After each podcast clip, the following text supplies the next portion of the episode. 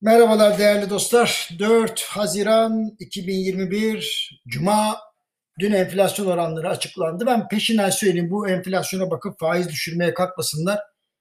Böyle ayağımıza kurşun sıkmak gibi olur. Şimdi Merkez Bankası Başkanı'nın daha rakam açıklanmadan müjdelediği beklenenden düşük enflasyon kendisinin en önemli sınavı oldu. TÜİK dün açıkladı biliyorsunuz %0.89 dedi Mayıs ayına. Buna göre 12 aylık enflasyon %17.14'ten %16.59'a geriledi. Çekirdek enflasyon da yine sürpriz bir şekilde gerileyerek %16.99 oldu. Hala tüfeden yüksek. O da ayrı mesele. Neyse buraya kadar tamam. Yalnız şunu belirtmek lazım. TÜİK'in açıkladığı Mayıs ayı enflasyonu İstanbul Ticaret Odası'nın açıkladığı aylık oranın yarısı seviyesinde. Şimdi ya böyle bir şey olabilir mi? Biraz tuhaf geldi bana. Şimdi ikinci tuhaflığı söyleyeyim üretici fiyatları artışı tüfe artışının 2.3 katı. Yani bu demektir ki önümüzde iki tane muhtemel senaryo var. Ya emtia fiyatları düşecek ve üretim maliyetleriyle ilgili radikal bir gerileme yaşanacak ya da söz konusu maliyet artışları doğrudan tüketici fiyatlarına yansıyacak. Başka senaryo yok. Kimse kendini kandırmasın.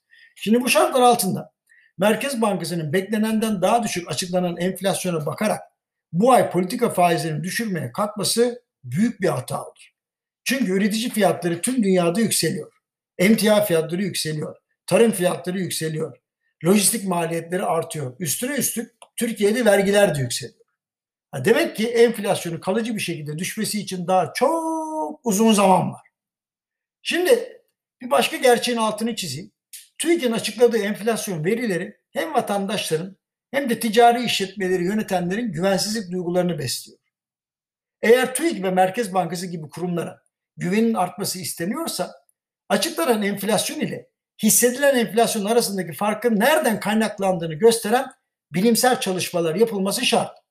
Ha şimdi bunları yapmayıp alternatif araştırmalar yapan bilim insanlarını kızmak ya da onlardan şikayetçi olmak kusura bakmayın Cumhuriyet tarihi kadar köklü kurumlara hiç yakışmıyor.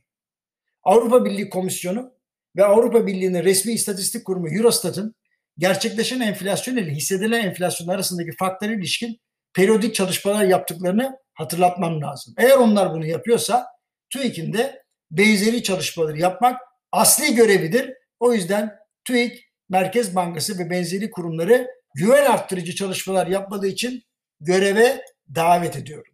Ve hepinize iyi hafta sonları diliyorum.